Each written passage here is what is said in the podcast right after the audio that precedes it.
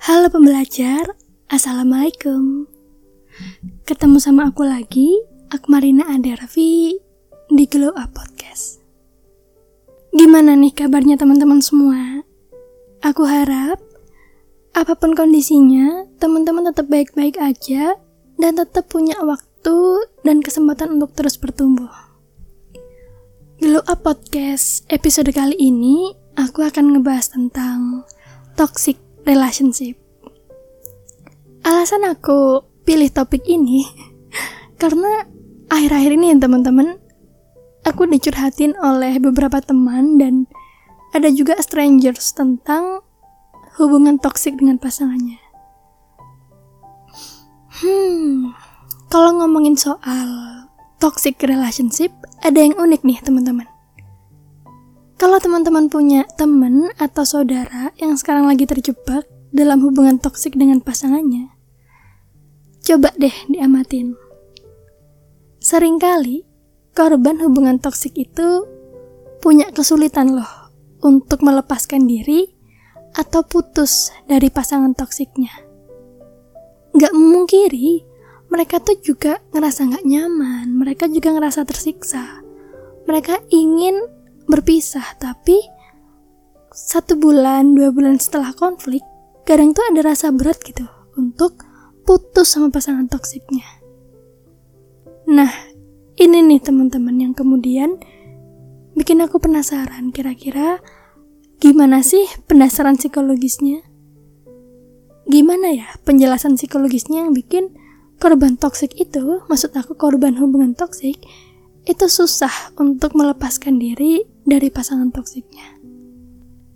Karena rasa penasaran itu, aku coba untuk pelajari beberapa literatur dan ya, alhamdulillah aku udah nemuin jawabannya dan akan aku share ke teman-teman semua di Glow Up episode kali ini.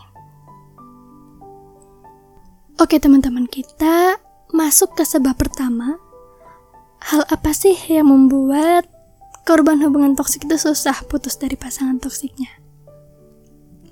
Hal pertama, karena dalam hubungan toksik itu ada yang namanya intermittent reinforcement atau penguatan perilaku yang tidak konsisten.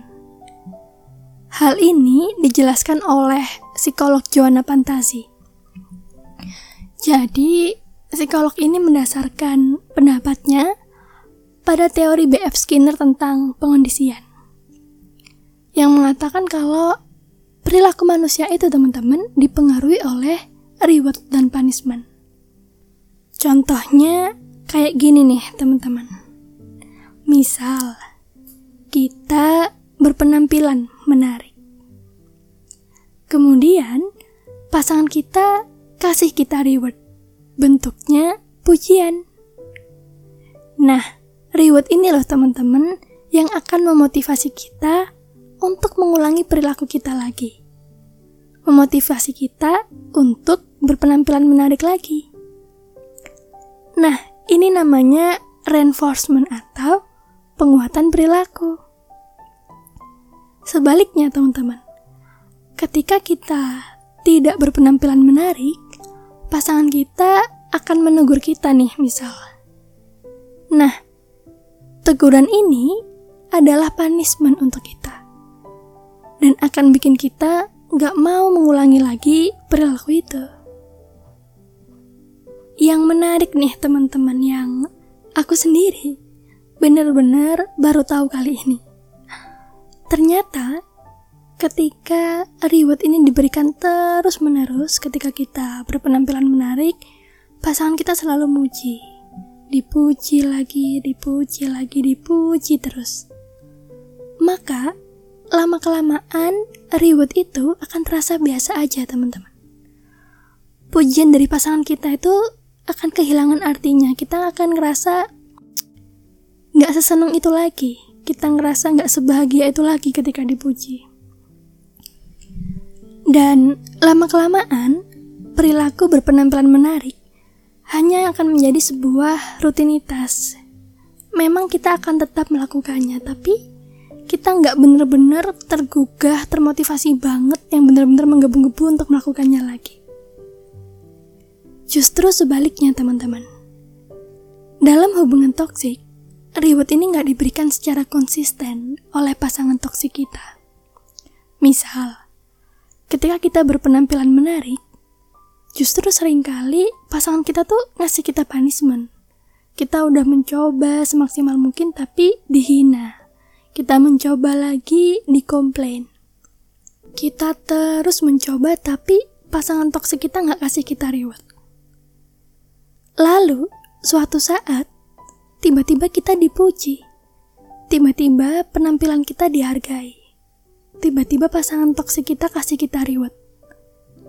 Nah, reward itu teman-teman akan bikin kita ngerasa seneng banget. Kita akan ngerasa hal itu benar-benar berharga. Dan tanpa sadar, kita akan meningkatkan usaha kita berkali-kali lipat lebih keras untuk berpenampilan menarik. Motivasi kita tuh jadi lebih besar. Terus besoknya diulangin lagi nih. Kita dihina lagi, kita dikomplain lagi, akhirnya kita bingung dan bertanya-tanya kira-kira penampilannya seperti apa ya yang bikin pasangan toksik kita senang. Kita akan meningkatkan usaha kita lagi, meningkatkan terus sampai kita dipuji lagi. Dan lagi-lagi pujian itu akan bikin kita senang banget sampai akhirnya kita akan berusaha berpenampilan menarik setiap harinya. Hingga kita akan ada di titik kalau nggak berpenampilan menarik, kita akan cemas. Kita akan ngerasa takut. Kita akan ngerasa khawatir. Nah, kalau sudah kayak gini nih teman-teman, maka kita udah edik atau kecanduan terhadap perilaku itu yang ditanamkan oleh pasangan toksik kita. Kita juga akan edik pada reward yang diberikan pasangan toksik kita. Disadari atau enggak, dalam keseharian kita mulai sering kepikiran tentang kenapa ya pasangan kita jarang memuji kita, kenapa ya pasanganku sulit ngasih aku reward. Kita jadi sering fokus ke sana. Kita jadi makin kecanduan tiap harinya. Dan yang bikin menyakitkan teman-teman, edik atau kecanduan ini tuh bikin korban hubungan toksik tuh susah untuk lepas dari pasangan toksiknya. Karena ketika sudah edik maka perilaku itu contohnya kayak berpenampilan menarik tadi akan menjadi suatu perjuangan tersendiri bagi korban. Yang bikin korban ketika memutuskan untuk pisah dari pasangan toksiknya akan muncul rasa gagal, akan muncul rasa kalah dalam diri korban. Gak jarang, hal ini akan bikin korban mengafirmasi tentang kegagalannya. Kadang korban jadi menyalahkan dirinya sendiri loh. Dia jadi mikir, mungkin bener ya, aku gak semenarik itu, sehingga hubunganku gak bisa terselamatkan. Dan ini toksik banget teman-teman kita jadi menyalahkan diri kita sendiri karena perilaku toksik orang lain. Hal kedua yang bikin korban hubungan toksik itu susah melepaskan diri dari pasangan toksiknya karena dalam hubungan toksik itu juga ada yang namanya siklus trauma bonding. Hal ini masih dijelaskan oleh psikolog yang sama, Johanna Pantasi. Jadi teman-teman, ada kalanya pasangan toksik kita tuh akan bener-bener bener-bener kelihatan toksik banget, bener-bener terasa toksik. Dia akan melakukan kekerasan verbal pada kita. Ada yang bahkan melakukan kekerasan fisik. Ada juga yang jadi posesif banget sama kita sampai kita nggak bebas dalam beraktivitas. Ada juga yang bentuk toksiknya itu terlalu mendominasi, sehingga kita akan ngerasa nggak nyaman. Nah, masa-masa ini teman-teman dinamakan masa explosion. Dan masa ini adalah puncak penderitaan korban. Korban akan ngerasa nggak nyaman, ngerasa tersakiti, ngerasa tersiksa, sampai akan ada titik korban itu berontak. Gak jarang korban jadi minta putus atau bahkan ngejauh dari pasangan toksiknya. Kalau sudah kayak gini teman-teman, gak lama mungkin satu bulan atau dua bulan setelah korban menjauh, pasangan toksiknya itu akan berubah 180 derajat. Biasanya, pasangan toksik akan kembali mencari si korban. Dia akan minta maaf sama korban dan akan menunjukkan iktikat baiknya. Nah, ini dinamakan masa-masa honeymoon. Di masa ini teman-teman, pasangan toksik justru akan terlihat sebaliknya. Dia akan tampak seperti malaikat. Dia akan melakukan banyak banget hal-hal yang bikin si korban itu merasa sebaliknya. Merasa nyaman, merasa benar-benar disayang, merasa seakan-akan pasangan toksiknya ini benar-benar berubah. Bahkan gak jarang, di masa ini pasangan toksik itu akan menunjukkan penyesalan yang dalam. Kadang pasangan toksik akan menampakkan stres atau tersiksa karena jauh dari si korban.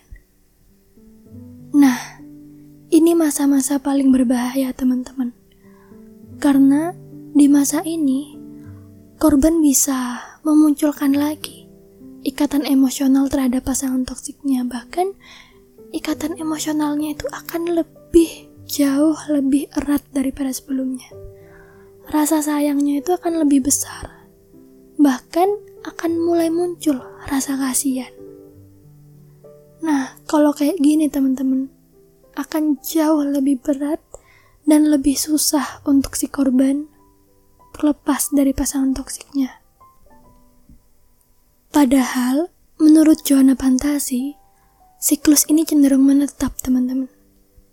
Setelah masa honeymoon berakhir, akan ada titik di mana pasangan toksik itu kumat lagi. Dia akan menampakkan lagi sikap toksiknya. Begitu terus siklus ini akan berulang. Pasangan toksik sulit banget berubah, teman-teman, kecuali komitmen dan usaha yang keras dan itu sangat susah tanpa ada bantuan dari profesional atau orang-orang yang benar-benar paham dan mampu merubah si toksik ini. Hal ketiga yang bikin korban akan semakin susah melepaskan diri dari pasangan toksik adalah ketika siklus itu terus berlanjut, teman-teman. Sehingga lama-kelamaan akan muncul kebingungan yang dalam dalam diri korban. Korban bingung karena dia nggak bisa memprediksi sikap dari pasangan toksiknya. Dia juga akan bingung untuk memanage hubungannya. Kadang korban akan ngerasa tersiksa. Tapi di sisi lain, kadang korban juga ngerasa rasa sayang dan rasa kasihan terhadap pasangan toksiknya akan semakin besar, dan dia akan semakin berat untuk berpisah. Di saat ini, teman-teman, korban akan memunculkan upaya untuk meminimalisir kebingungan dan rasa sakit dalam dirinya. Caranya dengan memunculkan keyakinan semu. Korban akan meyakinkan ke dirinya sendiri kalau pasangan toksiknya tuh bisa berubah kok. Pasangan toksiknya akan berubah suatu saat. Korban juga akan berusaha meyakinkan ke dirinya sendiri kalau tindakan pasangan toksiknya itu nggak begitu menyakitkan kok, masih bisa ditahan, masih bisa ditoleransi, bahkan akan ada saat-saat korban akan merasionalisasi tindakan pasangan toksiknya bahkan dia akan menyalahkan diri sendiri. wajar kok pasangan toksikku hina aku, wajar kok dia pukul aku, wajar kok dia posesif, bla bla bla karena aku gini, aku gini dan gini. Padahal semua hal itu dipaksakan. Semua keyakinan itu tidak didasarkan pada jaminan apa pun, teman-teman. Semua keyakinan itu hanya didasarkan pada rasa sayang dan rasa kasihan. Ini dinamakan Stockholm Syndrome. Ini benar-benar toksik teman-teman. Dan benar-benar menyakitkan karena kita percaya pada hal yang semu itu kan gimana ya? Teman-teman pasti bisa bayangin deh. Gimana sih rasanya? Percaya padahal yang kita sendiri nggak tahu bisa terwujud atau enggak. Sebenarnya masih banyak teman-teman hal-hal yang bikin korban hubungan toksik susah putus dari pasangan toksiknya. Kadang juga karena ancaman yang diberikan oleh pasangan toksik kalau nekat putus, bisa juga karena rasa takut kesepian, rasa inferior, self esteem yang rendah, banyak banget penyebab lainnya. Tapi di episode kali ini aku cuma jelaskan detail tiga hal itu tadi. Nanti kalau ada kesempatan lagi, insya Allah aku akan menjelaskan yang selainnya. Yang penting, dari sini kita bisa tahu bahwa melepaskan diri dari pasangan toksik itu nggak mudah. Karena itu, aku paham. Aku nggak bisa serta-merta menyalahkan teman-teman aku atau pendengar podcast ini yang masih terjebak dalam hubungan toksiknya. Karena semuanya butuh proses. Dan aku harap podcast ini bisa bantu teman-teman yang sekarang terjebak dalam hubungan toksik untuk memahami kondisi teman-teman sendiri. Aku berdoa yang terbaik buat teman-teman semua, terutama buat yang sedang berjuang untuk lepas dari pasangan toksiknya. Semoga kalian baik-baik aja dan masih punya kesempatan untuk bertumbuh setiap harinya. Podcast ini aku akhiri. Thank you so much karena sudah dengerin sampai sini. Maaf kalau masih banyak kekurangan. Sampai jumpa di Glow Up Podcast episode selanjutnya. Bye bye. Assalamualaikum.